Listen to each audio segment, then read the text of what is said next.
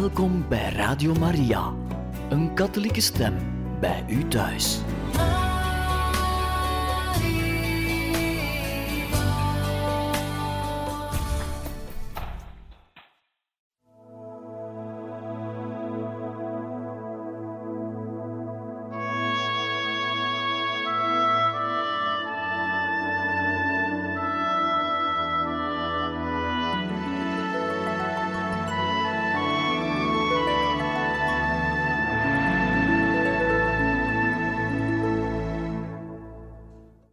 Beste luisteraars van Radio Maria, in dit programma Heiligen Getuigen lezen wij verder voor uit het leven van de heilige zuster Faustina.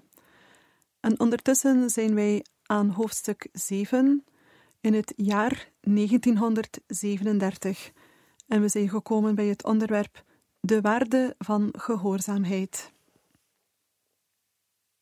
Op 22 januari besliste de dokter dat Faustina niet naar de hele mis, maar alleen naar de heilige communie mocht gaan. Ze sprak hier met haar biechtvader over. Hij was het met de dokter eens en zei: Zuster, het is Gods wil dat je beter wordt, en je moet geen verstervingen van welke aard dan ook, maar op je nemen. Wees gehoorzaam, zuster, en God zal je ervoor belonen. Faustina geloofde dat de woorden van de biechtvader de woorden van Jezus waren. Het deed haar evenwel verdriet dat zij de heilige mis moest verzuimen, want God had haar de genade verleend het kind Jezus te zien. Maar niet tegenstaande dat, stelde ze de gehoorzaamheid boven alle andere dingen. Toen ze na de biecht in gebed verzonken was, zag ze plotseling de Heer die tegen haar zei: Mijn dochter, weet dat je mij door één enkele daad van gehoorzaamheid meer eer geeft dan door lange gebeden en verstervingen. Op 23 januari had Faustina er niet veel zin in om iets op te schrijven. Misschien kwam dat omdat haar pijn de laatste paar dagen erger geworden was.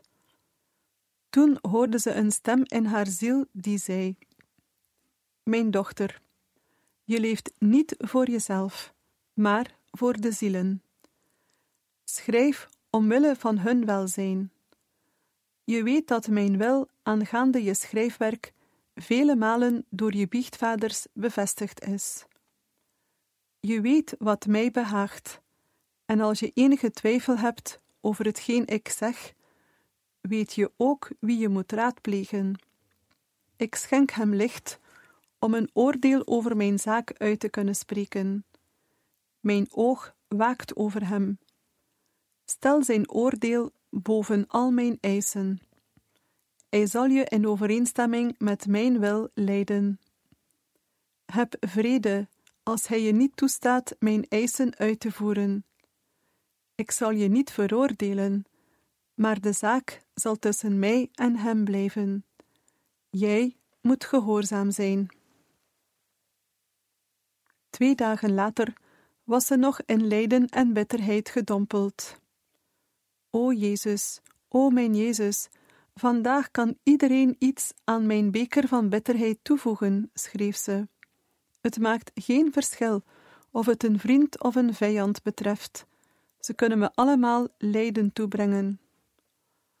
O heilige hostie, ondersteun me en verzegel mijn lippen tegen alle gemopper en geklaag. Weer twee dagen later ging haar gezondheid zo vooruit dat ze zich bijna helemaal beter voelde. Van de poorten van de dood brengt Jezus me naar het leven. Er was voor mij nauwelijks nog iets anders overgebleven dan te sterven, en zie, de Heer verleent me leven in overvloed, schreef ze. Ze was zich ervan bewust dat ze nog niet alles uitgevoerd had wat tot het plan van de Heer voor haar behoorde. Hij zal me geen ogenblik langer in de ballingschap laten, want mijn thuis is de hemel, voegde ze eraan toe. Maar voordat we naar ons vaderland gaan, moeten wij op aarde de wil van God vervullen. Beproevingen en strijd moeten hun loop ten volle in ons volbrengen. Ik heb zo erg naar de dood verlangd. Ik weet niet of ik ooit in mijn leven opnieuw zo'n groot verlangen naar God zal meemaken. O, hoe lelijk is de aarde als men de hemel kent. Ik moet mezelf geweld aandoen om te leven. O wil van God, u bent mijn voedsel. Een offer voor de zondaars. Op 29 januari lag de sneeuw kniehoog. Faustina versliep zich op die morgen en ze moest zich haasten om op tijd in de kapel te zijn voor de communie, want de kapel lag een heel eind van haar afdeling af. Ze ging naar buiten en voordat het haar inviel dat dokter Silberg haar geen toestemming gegeven zou hebben om naar buiten te gaan als er zoveel sneeuw lag, was ze al bij de kapel aangekomen. Ze ontving de heilige communie en in minder dan geen tijd was ze weer in haar kamer terug. Ze hoorde in haar ziel: Mijn dochter, rust dicht tegen mijn hart. Je inspanningen zijn aan mij bekend. De volgende dag hield Faustina haar gewoonlijke maandelijkse recollectie. Ze vernieuwde in die tijd haar offer van zichzelf voor de zondaars. O Jezus, wat heb ik met de arme zondaars te doen? Jezus, verleen hen diep berouw en spijt. Denk aan uw eigen bittere lijden. Ik ken uw oneindige barmhartigheid en kan het niet verdragen dat een ziel die u zoveel gekost heeft, verloren zou gaan. Jezus, geef mij de zielen van de zondaars. Laat uw barmhartigheid op hen rusten. Neem alles van mij weg, maar geef mij zielen. Ik wil een geofferde hostie voor de zondaars worden. Laat de omhulling van mijn lichaam mijn offer verborgen houden, want uw allerheiligste hart wordt ook in een hostie verborgen, en u bent zeker een levend offer. Overvorm mij in uzelf, o Jezus, zodat ik een levend offer dat voor u welbehagelijk is, mag zijn. Ik wil op ieder ogenblik verzoening doen voor de arme zondaars.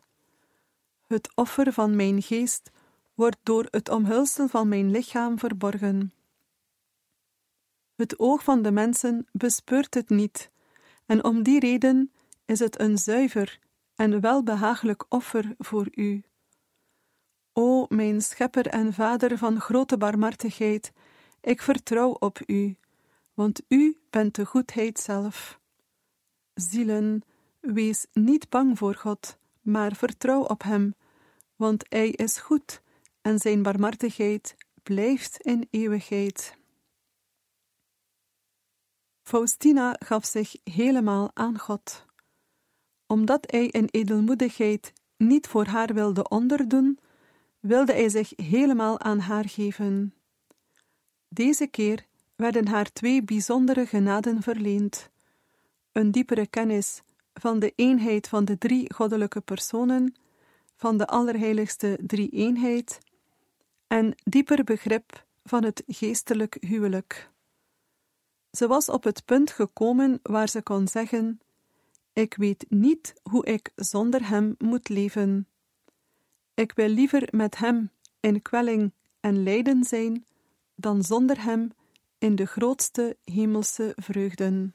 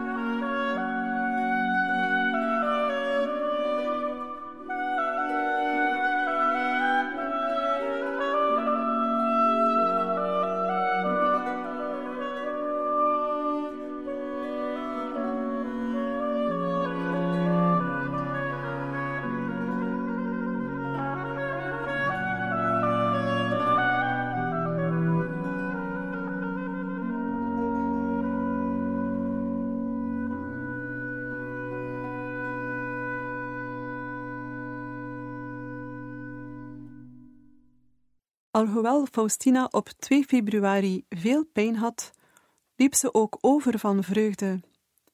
Daar waren twee redenen voor. Ze kreeg een openbaring over de grote waarde van het mesoffer. En er werd bij haar, toen ze voor de afbeelding van de goddelijke barmhartigheid bad, een grote genade verleend. Onder de mis van die morgen had Faustina de gekruisigde Jezus in hevige doodstrijd gezien. Zijn lijden doorboorde haar ziel en lichaam. Het gebeurde op een onzichtbare manier, maar niet tegenstaande dat was het hoogst pijnlijk. Ze maakte de aantekening. O, wat vinden er ontzagwekkende geheimenissen plaats tijdens de mis. Hoe groot moet de devotie zijn waarmee wij behoren te luisteren en waarmee we behoren deel te nemen aan deze dood van Jezus. Op een dag zullen wij weten wat God voor ons in iedere mis doet en wat voor soort gave Hij daarin voorbereidt voor ons. Alleen Zijn goddelijke liefde kon vergunnen dat in zo'n gave voor ons werd voorzien. O Jezus, mijn Jezus, hoe groot is de pijn waardoor mijn ziel doorboord wordt, als ik deze fontein van leven met zo'n zoetheid en kracht voor iedere ziel zie voortstromen, terwijl ik tegelijkertijd zie dat de zielen door hun eigen schuld verwelken en verdrogen. O Jezus, geef dat de macht van de barmhartigheid deze zielen omhelst. Op dezezelfde dag werd het Faustina ingegeven om voor de afbeelding waarvan Jezus haar opgedragen had, dat ze die moest laten schilderen, te bidden. Ze nam de brochure die de afbeelding op de omslag had en zei tegen de Heer: Jezus, u hebt mij zelf verteld dat u vele genaden zou verleden door deze afbeelding. Ik vraag u dus om de genade van de heilige doop voor deze Joodse vrouw in de eenspersoonskamer naast de mijne.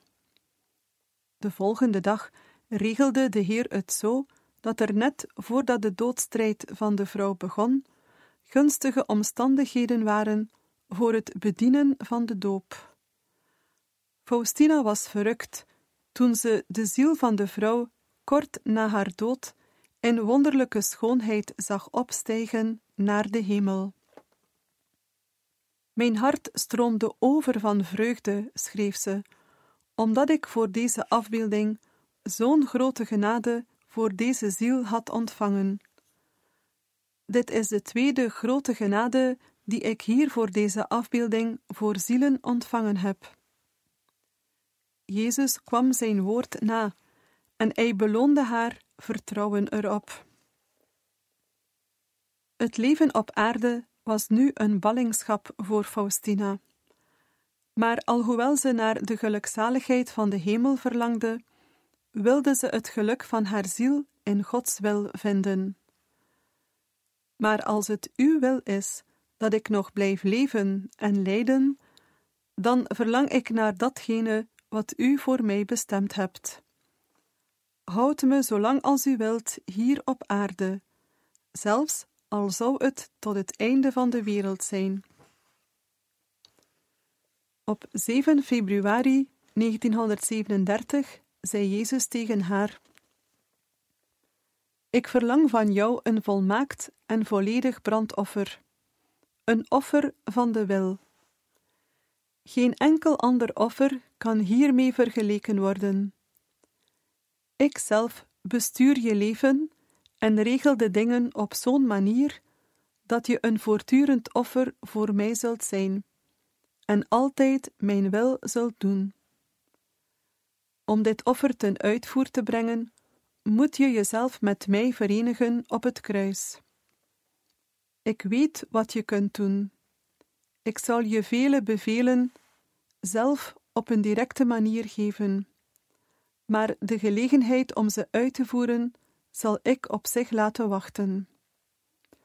Ik zal die van andere mensen af laten hangen. maar datgene waar de oversten niet in slagen, zal ik zelf rechtstreeks in je ziel tot stand brengen.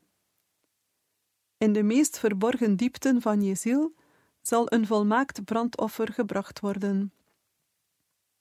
Niet slechts voor een poosje, maar weet, mijn dochter, dat dit offer tot aan je dood zal duren. Maar er is nog tijd, zodat ik, de Heer, al je wensen kan vervullen. Ik schep behagen in jou als een levende hostie. Laat niets je schrik aanjagen. Ik ben met je. Diezelfde dag nog werd Faustina's gehoorzaamheid op de proef gesteld. Ze kreeg een briefje van haar moeder overste met het duidelijke verbod om nog aan het bed van een stervende te gaan zitten. Ze besloot om in plaats van zichzelf de gehoorzaamheid aan moeder Overste naar de stervenden te sturen. Dat zou dan een bron van genade voor hen zijn. Zodanig was de wil van God, en die was voor haar genoeg. Wat ze nu niet begreep, zou ze later wel te weten komen, overlegde ze. Vasten en Pasen, 1937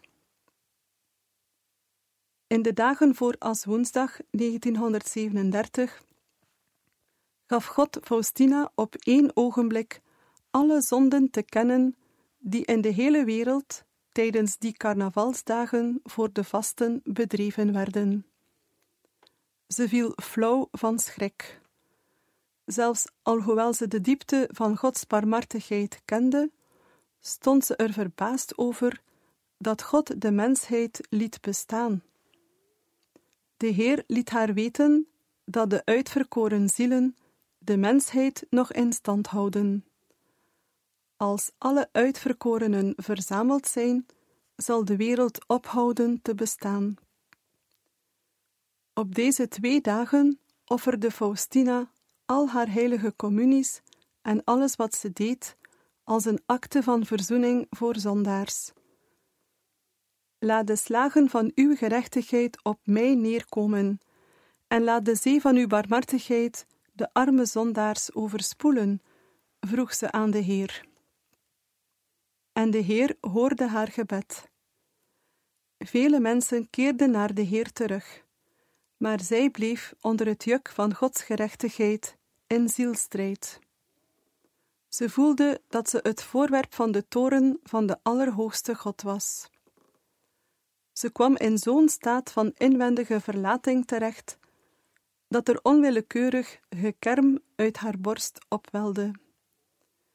Ze deed dus haar kamer op slot en begon een heilig uur. Maar zelfs toen bestond haar enige gebed uit kermen en schreien. Toen zag ze plotseling de Heer.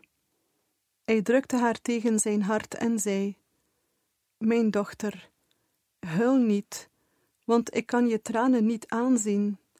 Ik zal je alles geven waar je om vraagt, maar hou op met huilen. De volgende dag was het vastenavond. Nu ze door de vriendelijkheid van Jezus bemoedigd was, sprak Faustina uitvoeriger met hem. Ze somde de pijnen van haar hart op en sprak over haar grote bezorgdheid voor de hele mensheid. Jezus luisterde naar al die ontboezemingen van haar hart en zei tegen haar: Mijn dochter, deze woorden van je hart zijn mijn welbehagelijk. Door het bidden van deze rozenkrans breng je de mensheid dichter bij mij. Haar liefde voor God en de naaste had nieuwe hoogten bereikt.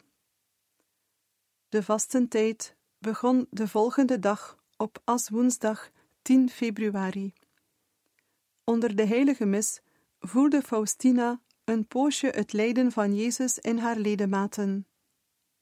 Ze schreef: de vastentijd is een zeer bijzondere tijd voor het werk van de priesters. Wij behoren hen te helpen bij het redden van zielen. Alhoewel ze net als vroeger grote verstervingen op zich wilde nemen, kon ze dat vanwege haar ziekte niet langer doen. Ze kreeg daarom toestemming om kleinere verstervingen te beoefenen, zoals zonder kussen slapen, een beetje trek houden, iedere dag de rozenkrans die de Heer haar geleerd had te bidden, terwijl ze haar armen uitgestrekt hield in de vorm van een kruis, en zo nu en dan voor onbepaalde tijd met haar armen uitgestrekt bidden. Het waren eenvoudige dingen, maar ze geloofde Jezus op zijn woord. Weet dit, mijn dochter, en handel ernaar. Alles, ongeacht hoe klein het ook is, dat het zegel draagt van gehoorzaamheid aan mijn vertegenwoordiger, is mij welbehagelijk, en in mijn ogen is het groot. Ze deed dit allemaal met de intentie de goddelijke barmhartigheid voor de arme zondaars af te smeken. Ook wilde ze kracht voor de priesters verkrijgen om zondige harten tot berouw te laten komen.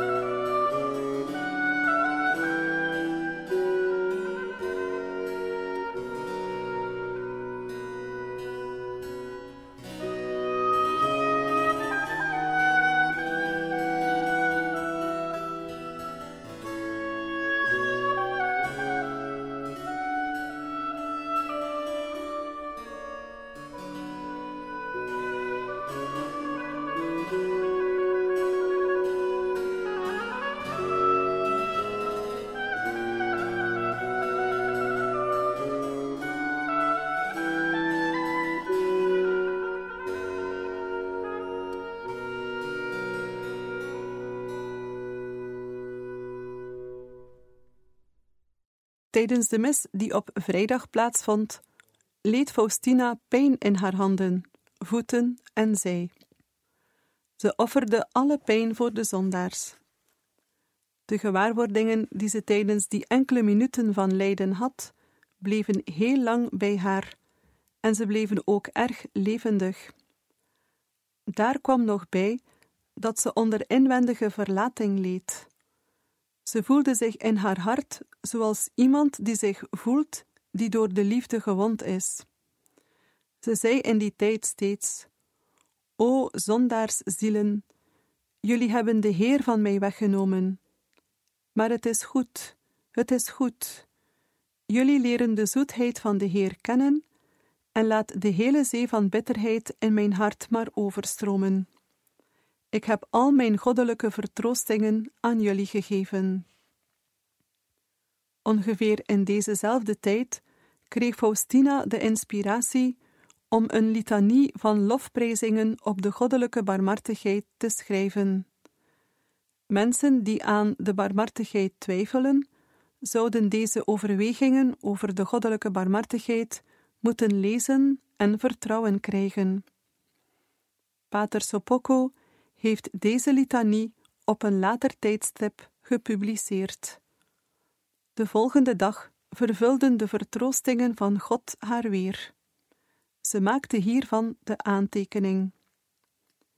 Vandaag word ik helemaal door de tegenwoordigheid van God als door een zonnestraal doorboord.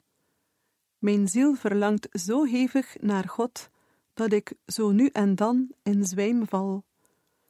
Ik voel dat mijn hart aangeraakt wordt door de eeuwige liefde. Mijn nietigheid kan dat niet dragen, en dit is er de oorzaak van dat ik in zwijm val. Hoe ondoorgrondelijk zijn de geheimenissen van de ziel en God.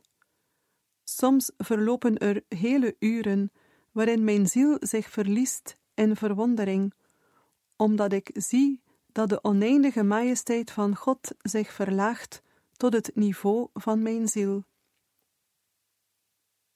Tijdens de gedachtenisdienst van het lijden van Jezus zag Faustina tijdens het zingen van de klaagliederen van het bitter lijden Jezus gemarteld worden. Hij kreeg een doornenkroon en hield een rietstok in zijn hand.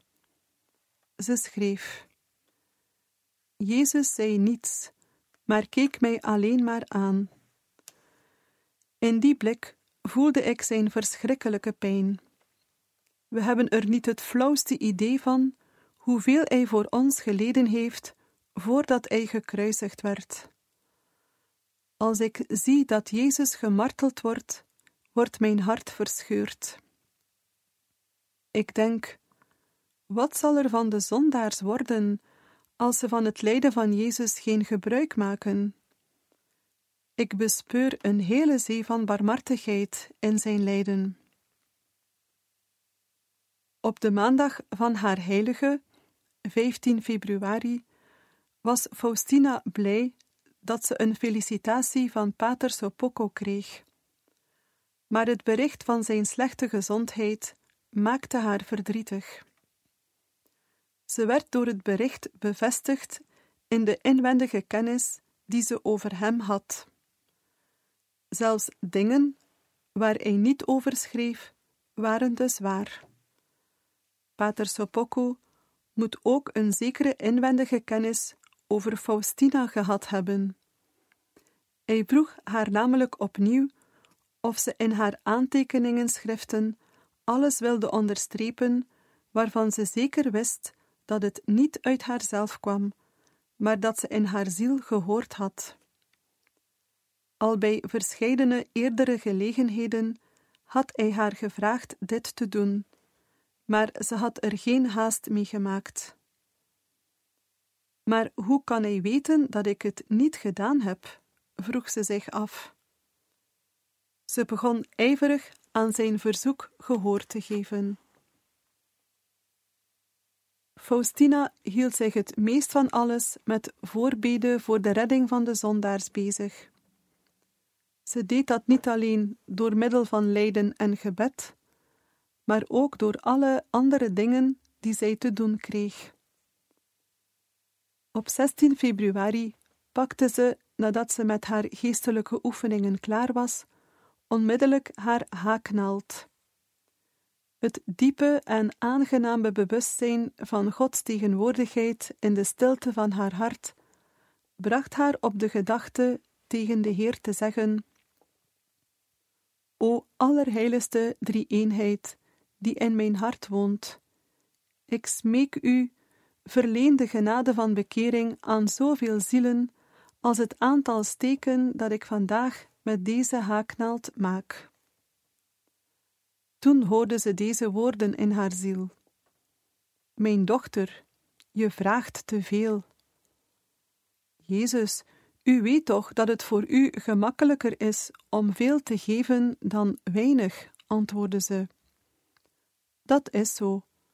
Het is voor mij minder moeilijk om veel aan een ziel te geven dan weinig. Maar iedere bekering van een zondaarziel vraagt een offer, zei hij. Ze antwoordde: Goed, Jezus, ik bied u mijn werk aan dat ik met mijn hele hart gedaan heb. Deze offerande lijkt me niet te klein te zijn voor zo'n groot aantal zielen. U weet, Jezus, dat u gedurende dertig jaar door precies dit soort werk zielen gered hebt. Omdat de heilige gehoorzaamheid het mij verbiedt om grote boetedoeningen en verstervingen op mij te nemen, vraag ik u, Heer, aanvaard daarom deze onbenulligheden, die het zegel van de gehoorzaamheid dragen, als grote dingen. Ze hoorde toen een stem in haar ziel. Mijn geliefde dochter, ik voldoe aan je verzoek. Op diezelfde dag schreef Faustina deze kostbare gedachte over het lijden op. O, als de lijdende ziel eens wist hoe ze door God wordt bemind, ze zou sterven van vreugde en buitensporig geluk. Op een dag zullen wij de waarde van het lijden kennen, maar dan zullen we niet langer in staat zijn om te lijden. Het huidige ogenblik is van ons. Tijdens de heilige mis op de volgende dag zag Faustina de lijdende Jezus opnieuw. Zijn wonden werden op een onzichtbare, maar daarom niet minder pijnlijke manier in haar lichaam ingedrukt. Jezus keek haar aan en zei: Ondanks mijn bitter lijden gaan er zielen verloren. Ik geef hen de laatste hoop op redding. Dat is het feest van mijn barmhartigheid. Als ze mijn barmhartigheid niet willen aanbidden, zullen ze voor alle eeuwigheid verloren gaan.